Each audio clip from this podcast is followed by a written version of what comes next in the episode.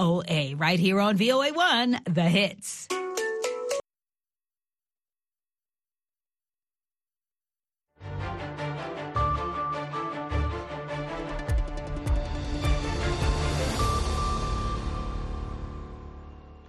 halkani waa washington laanta afka soomaaliga idaacadda v o a oo aad ka dhagaysanaysaan mawjadaha gaagaaban efmiyada geeska afrika iyo caalamkao dhan oo aad nagala socotaan v o a somali com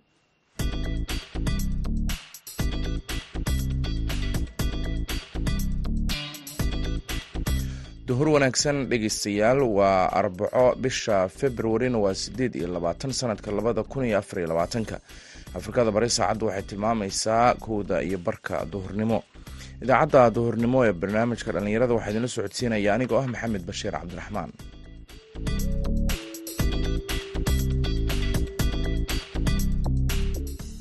qodobada dhegeystayaal aad idaacadeena duhurnimo ku maqli doontaan waxaa ka mid a warbixin ku saabsan jabuuti oo lagu soo gebagabeeyey kulamo lagu weyneynayo afka hooyo iyo dhaqanka.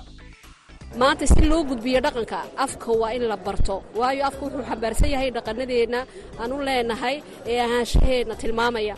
Marka fanaanka in martabad ka sarraysa la geeyo martabad ah inuu dadka maaweeliyo un maaha fanaanku waa ka hadalka uu ku soo fikiray ninka qoraagaa anagu nidhahdo autor compositeur ee ereyada sameeya ka kale laxanka sameeya ka muusiga sameeya intuba waa dad fikirkooga fikirayo hal abuur leh.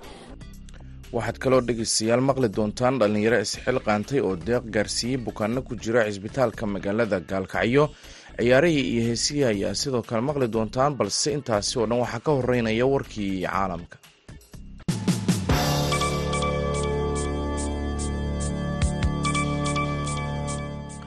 militariga maraykanka ayaa sheegay in ciidamada maraykanka iyo kuwa ay xulafada yihiin xilli dambe oo talaadadii ah gudaha badda cas ay ku soo rideen. Waa shan diyaaradood oo kuwa anduuliyo la socon ah oo ay lahayd kooxda xootiyiinta yemen. Taliska dhexe ee ciidamada maraykanka ayaa sheegay in diyaaradaha anduuliyuhu la socon laga soo duuliyo deegaanada yemen ay ka taliso fallaagada xootiyiinta ee iiraan taageerada ka hesha waxaana talisku sheegay in diyaaradahaasi darooniska ah ay ahaayeen khatar ku wajahaan maraakiibta ganacsiga ciidamada badda maraykanka iyo maraakiibta isbahaysiga ee gobolka. Duqeymaha ayaa ahaa kuwii ugu dambeeyey ee bilihii la soo dhaafay ay ciidamadu ku doonayeen inay kaga hortagaan weerarada xuutiyiintu ay la beegsadaan maraakiibta maraysa badda cas. Xuutiyiinta ayaa sheegay in weeraradooda ay u qaadayaan si ay garab istaag ugu muujiyaan falastiiniyiinta xilli uu dagaal ku wajahayo khaza weerarada xuutiyiinta ayaa sababay in shirkado badan oo kuwa maraakiibta ah ay ka fogaadaan marinka badda cas taas bedelkeedana ay doortaan dariiqa dheer ee qaaliga ah ee ay ku soo wareegaya afrika. Wasiirada arrimaha dibadda ee armeniya iyo azerbaijan ayaa lagu wadaa in arbacada maanta ah ay wadahadal nabadeed ku yeeshaan magaalada berliin ee dalka jarmalka iyadoo dadaal cusub lagu doonayo in lagu xaliyo colaada tobanaan sano soo jiitamaysa ee u dhexeysa dalalka deriska ah ee ku yaalla gobolka caucasus wadahadalkan oo ay ka qeybgalayaan wasiirka arrimaha dibadda armeniya ararad merzoyan iyo wasiirka arrimaha dibadda azerbaijan jayhun bayramof ayaa ka dhashay kulan lama filaan ahaa oo si foolka fool ah horaantii bishan ku dhex maray labada hogaamiyaasha labada dal kaasi oo ka dhacay magaalada munikh ee dalka jarmalka halkaasi oo ka socday shirkii amniga caalamka dhexdhexaadinta uu waday ra'iisul wasaaraha jarmalka olaf sholz ayaa keentay in ra'iisul wasaaraha armeniya nicol bashanian iyo madaxweynaha azerbaijan ilham caliyef ay ku heshiiyaan in la ambaqaado wadaxaajood nabadeed. Hogaamiyaashan ayaa sidoo kale ballan qaaday inay ku xallin doonaan khilaafaadka u dhexeeya iyagoo u maraya hab nabadeed oo aan xoog la isku adeegsan sida uu sheegay afhayeen u hadlay sholes kulanka munikh ayaa noqday mid si weyn u qaboojiyey xiisadda kadib markii ay soo kordheen xiisado cusub oo dhinaca xuduudda labada dal ah iyadoo labada dal midbakan kale uu ku eedeeyey inuu rasaas furay.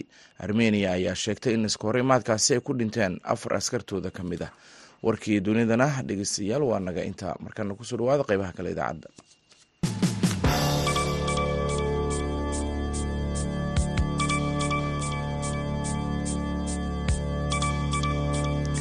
halka dhegeystayaal wararkaasi aad kala socotaan waa laanta afka soomaaliga ee v o a oo si toos idinkaga imaaneysa washington. Duhur wanaagsan mar kale. Wasaaradda dhallinyarada iyo dhaqanka ee jabuuti ayaa dhowaan waxa ay soo gebagabaysay kulamo kala duwan oo tartan iyo wacyigelinta la xiriira kuwaasi oo ku aadan tayeynta afka hooyo iyo suugaanta. Sagal siciid faarax ayaa wareysatay doctor hibo cows waa doctor hibo casoowe oo ah wasiirka wasaaradda dhallinyarada iyo dhaqanka ee jabuuti toddobaadkan baa soo wadeen marwo maanta idiin soo dhammaatay bal waxaad naga wartaa hawshii aad soo qabateen iyo isku darkii fanka iyo afka iyo iyo dhallinyarada waxu qabateen waad mahadsan tahay horta maanta waa maalin farxad badan waa maalintii aan soo gunaanadaynay shaqooyinkii badnaa aan soo qabanay bil gudaheed. Labadii sannadood u horreysay waxaa sanadhay wiik ayaan samaynay oo toddobaada laakiin way deeqi weyday. Waxaan doonanay sanadkan inaan bil ka soo shaqayno afafka hooyo iyo kuwa tabiya markaas su'aasha badiganana weydiiye ayaa ah maxaa fanaanka loogu laday afka hooyo baske waxaan aragnay amba waxay tahay jawaabtu waxaan aragnay in qofka afka hooya ku fikira ee wax ku qora kuna shaqeeya waa qofka isagu ka shaqeeya amba gudbiya nooleeyana afka gudbiyana dhaqanka. Markaas waxaas nidhi haddii la kala qaadqaado lama fahmayo waxa isku xidhaya waayo waxaa la rabaa jiil iyo jiilka saba inu isku xidhmo. Maanta si loo gudbiyo dhaqanka afka waa in la barto. Waayo afka wuxuu xambaarsan yahay dhaqanadeenna aan u leenahay ee ahaanshaheenna tilmaamaya.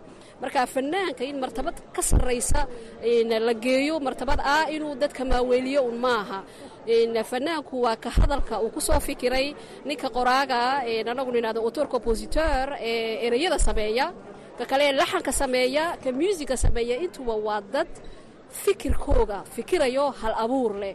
Fanaankuna uu ishortaagayo uu codkii jeedinayo isagaa qurxinaya oo dadkii u tabinaya ayuuna u tabinayaa bulshada. Bulshadana waxbuu ku baraa waxbuu maale loodhan karaa uu ku sameeyaa wacyigelin buu ku sameeyaa. Maye wax badan buu dadka ku bara amba ku tabiyaa amba waxaa la odhan karaa adduunka ayuu ugu faanaa dhaqanka wanaagsan ee leenahay.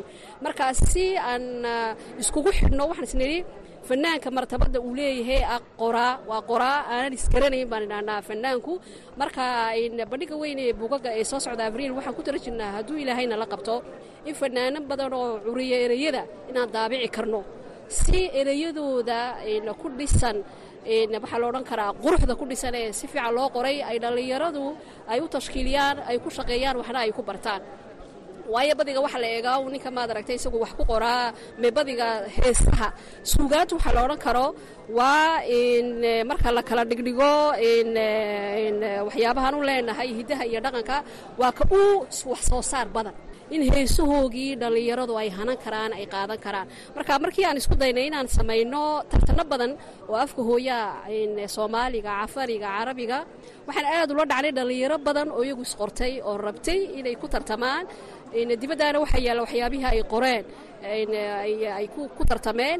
Marka iyagu waxay kutusaysaa inay kutusayaan baahida ay u qabaan inay hantaan afafka hooyo hooyo oo markaa ay rabaan inay hantaan dhaqanadooda marka iminka xarumaha bulshada horumarka bulshada bulshada waxaan aad ula dhacnaa dhalintu waxa ay soo ababiyaan oo badiga dhaqan u badan waxaan idhaahnaa hadda iyagaa doortay markaan idhahno maxay nii samaynaa dhaqan baan rabnaa. Marka markii hore waa sir garab taagi jiray laakiin maanta ayagaa hanta iyagaa sameeya.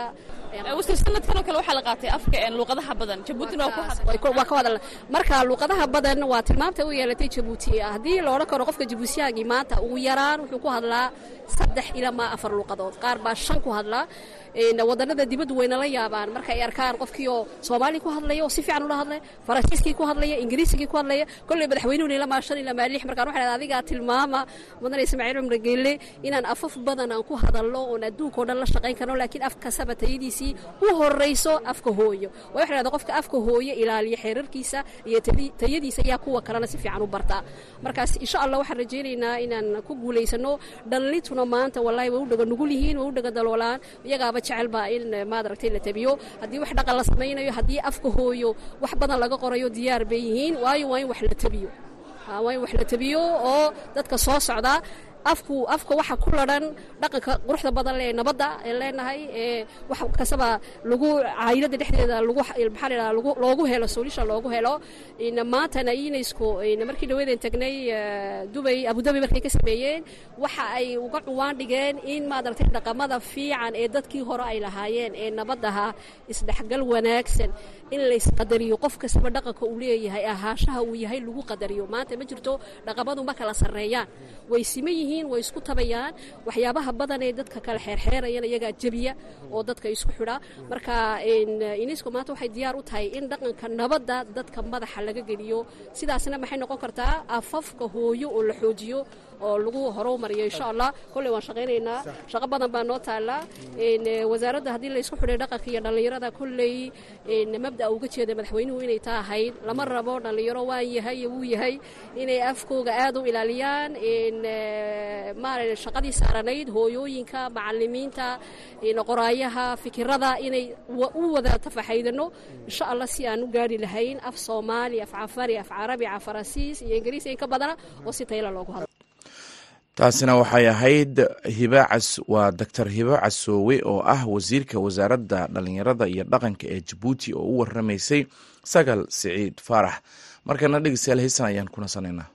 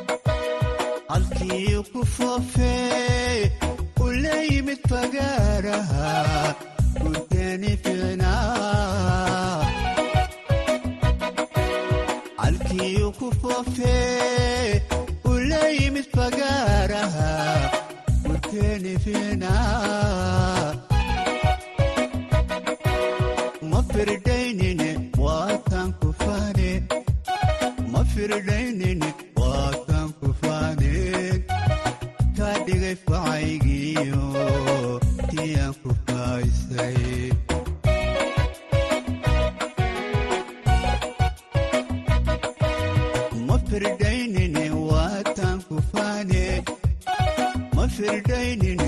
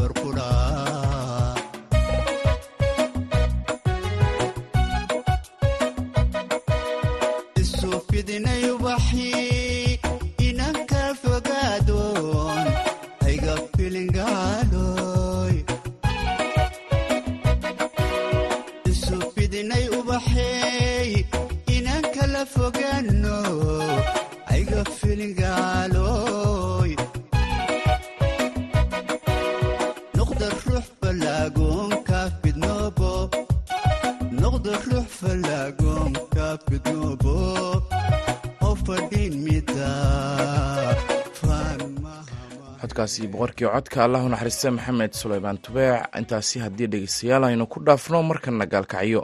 Dhallinyarada ku dhaqan magaalada gaalkacyo ee gobolka mudug ayaa deeq iska soo aruuriyey. Waxa ayna gaarsiiyeen bukaano ku jira cisbitaalka magaalada gaalkacyo. Wariyaha v o a cabdiwaaxid macalin isxaaq ayaa warbixintan noo soo diray qaar ka mid a dhallinyarada magaalada gaalkacyo oo isxilqaantay ayaa deeq waxa ay gaarsiiyeen bukaan ku jira isbitaalka waqooyiga magaalada gaalkacyo taasi oo ahayd mid dhallinyarada ay iska soo aruuriyeen.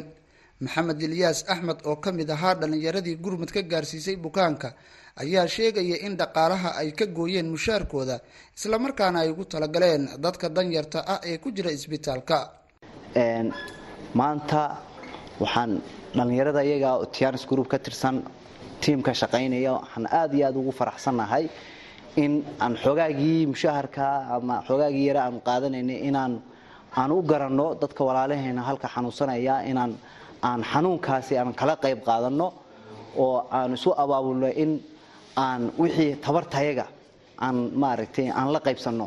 Aad baan ugu faraxsannahay arrintaasi inta keliya ma aha oo intaa ugu horey aanu bixinayna maaha laakiin insha allah waxaan rajaynaynaa inaan barnaamijyo badan aan kala qayb qaadan doono isbitaalka iyo wax walba oo wixii tabartayaga aan brograamkaas aan kala soconayna anaga ka tiim ahaan waxaan nahay tiim shaqeeya oo dhallinyaro ah oo maaragtay shaqa abuur sameeya oo dhallinyarada kale ay shaqeeyaan oo maaragtay brograamkaasi naga caawinaya in dhallinyaro badan ay tahriibi lahaayeen ama dhallinyaro badan oo baagamuddo ah oo ay ku fikeri lahaa waxyaabo badan in maaragtay aan maaragtay shaqa abuur loo sameeya shaqeeyaan oo maaragtay dalkooda iyo dadkooda ay anfacaan. Sida hadda maanta oo kale halkaan aragtaan waxaan halkan soo gudbiyay wax kale ma aha waa xoogaagii yaraa ee qaadanayay weeye gartay in walaalahooda maaragtay inay la qaybsadaan oo ma aha wixii ugu horreeya aan soo gudbinaynaa laakiin waxa weeye waa inta ugu horreeya wey aan ugu garana weeye.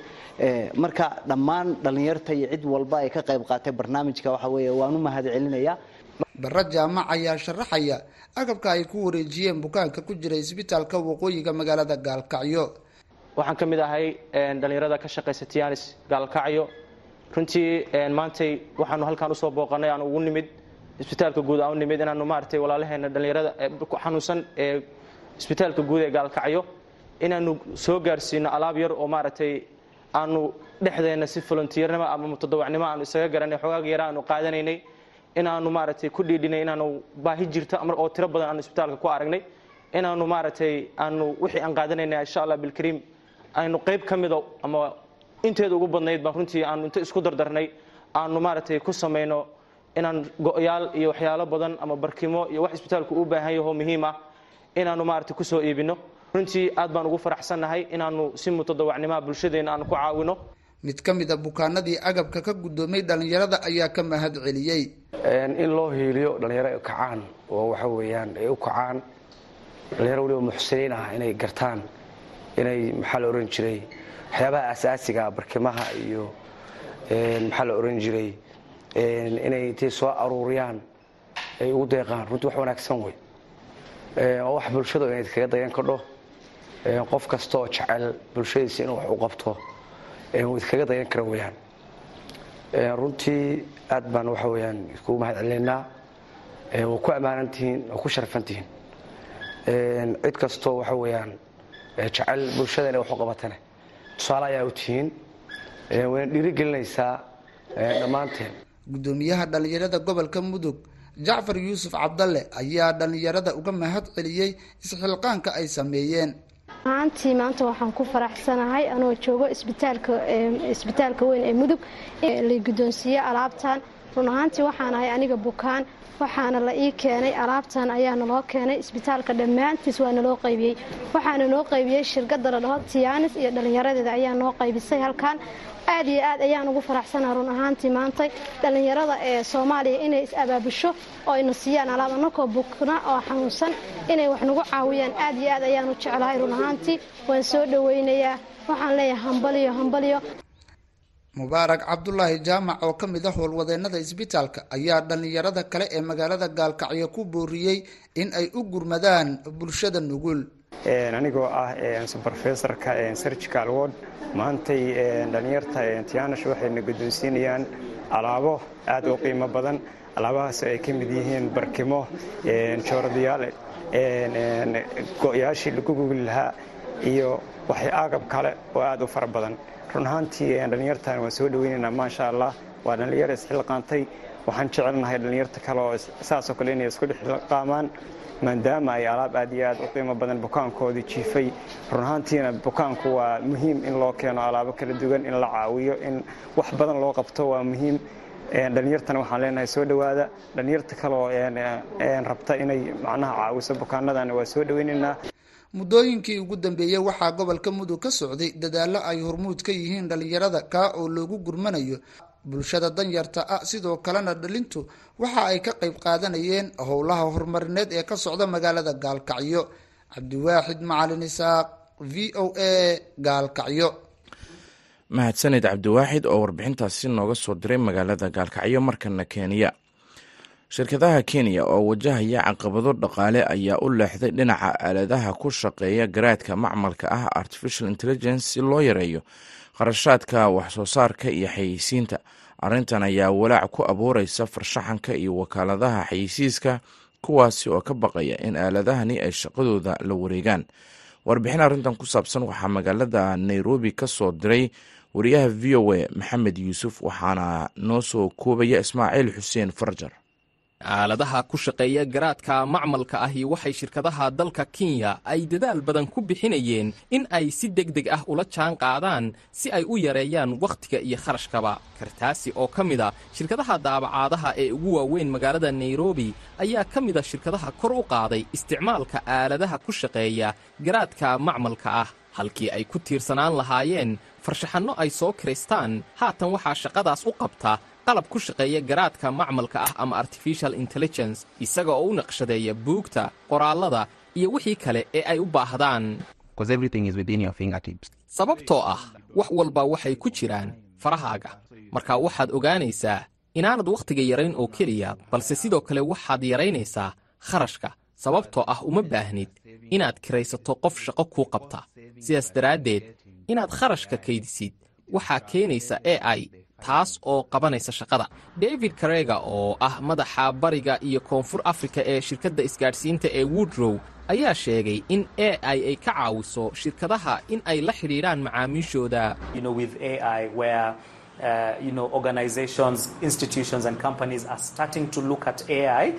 Garaadka macmalka ah ururada hay'adaha iyo shirkadaha ayaa bilaabaya inay adeegsadaan. Sidii ay shaqada uga caawin lahayd halkaas oo ay kharashka ku yaraynayaan iyo in ay xidhiidh wacan la sameeyaan macaamiisha. Waxaan arkayo ayaa ah in e i ay noqotay shay hal abuur leh adiga oo ka eegaya dhinaca shirkadda iyo dhinaca macmiilkaba hirgelinta e i waxa ay ka qabaan dadka farshaxanka ah iyo shirkadaha waxayeysiiyaa taas oo uu sii yaraanayo macaashka ay samaynayaan. Simon mowanzai oo ah madaxa curinta ee shirkadda the art group ayaa qiraya faa'iidada ay leeyihiin e i ama garaadka macmalka ahi. Inkasta oo uu qabo in ay fiican tahay in shirkaduhu ay ku tiirsanaadaan xirfadlayaasha aqoonta sare leh. Dhammaan shaqada naqshadaynta waxaa lagu qabtaa gudaha. markaa taasi waxay ka dhigan tahay in lacag yare ay soo gasho shirkadda.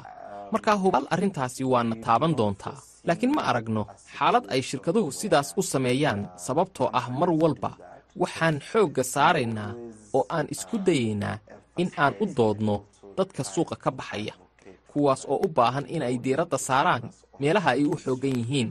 Wakhtigan xaadirka ah barnaamijyada e i ee loo isticmaalo xayeysiintu waxay inta badan abuuraan waxyaabo kala duwan oo qaarkood khiyaali yihiin kuwaas oo u baahan saacado badan in la hagaajiyo si kastaba ha ahaatee xarunta cilmi-baadhista xayeysiiyada adduunka ayaa sheegtay in kharashka qaybta xayeysiiyada afrika uu hoos u dhacay boqolkiiba sannadkii hore taas oo muujinaysa suurtagalnimada isticmaalka e i.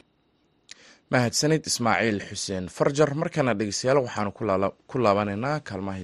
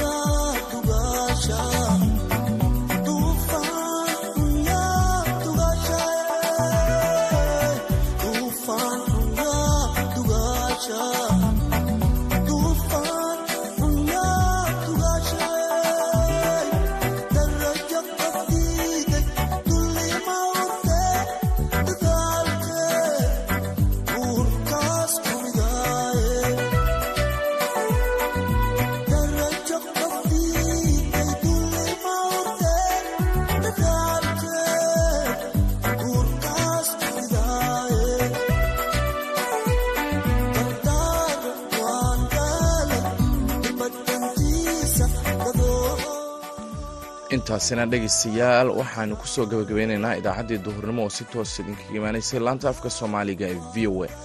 Tan iyo kulanti dambe dhammaanteenba waxaan idinkaga tegaynaa sidaas iyo nabadgelyo